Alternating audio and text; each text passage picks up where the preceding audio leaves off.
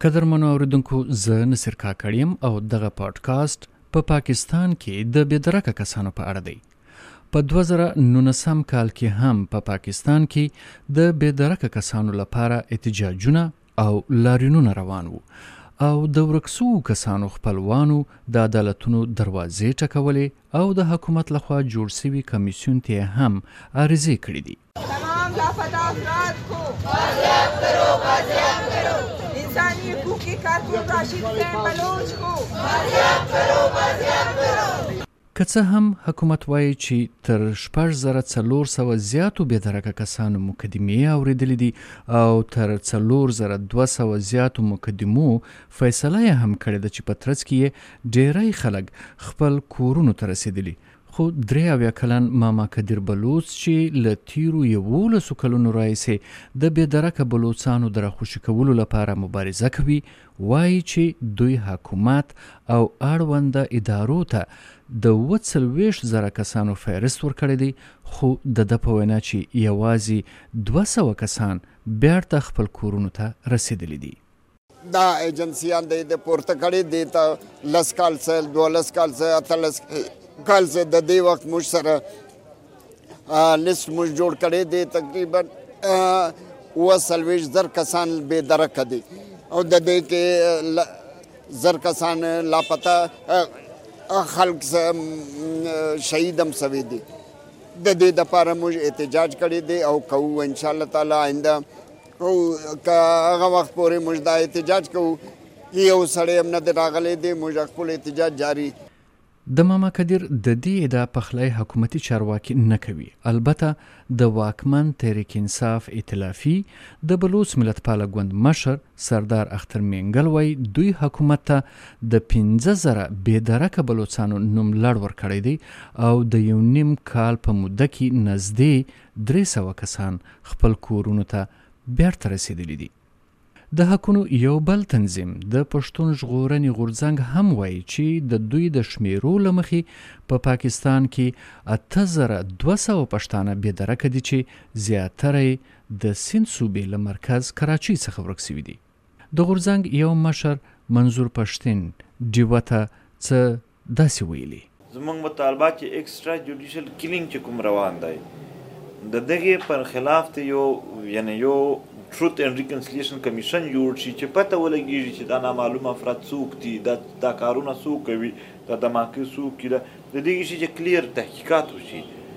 هغه دوی لا نه دي راسره منلي میسنګ پرسنس څه نه څه کسان راغلل خو هغه هم مونږ وایو چې غیر آئیني طریقه نه بلکې په آئیني طریقه د راشي عدالت یې خلاص کړي داسې په یو طریقه د څوک نه وایي چې بس ډایرکټ یې راوړي. د پاکستان چارواکو د پښتون ژغورنې غورځنګ له ځینې غوښتنو سره موافقه څرګنده کړې ده خو وایي د احتجاج لاره یې سمه نه ده. د پاکستاني پوج د ویاندې ادارې مشر میجر جنرال آصف غفور نزدې و میاشتې وړاندې یو خبري کانفرنس ته په وینا کې وویل چې د پی ټی ایم یا پښتون ژغورنې غورځنګ سره په دې سختي نه کوي چې هغوی ځپل سوي دي.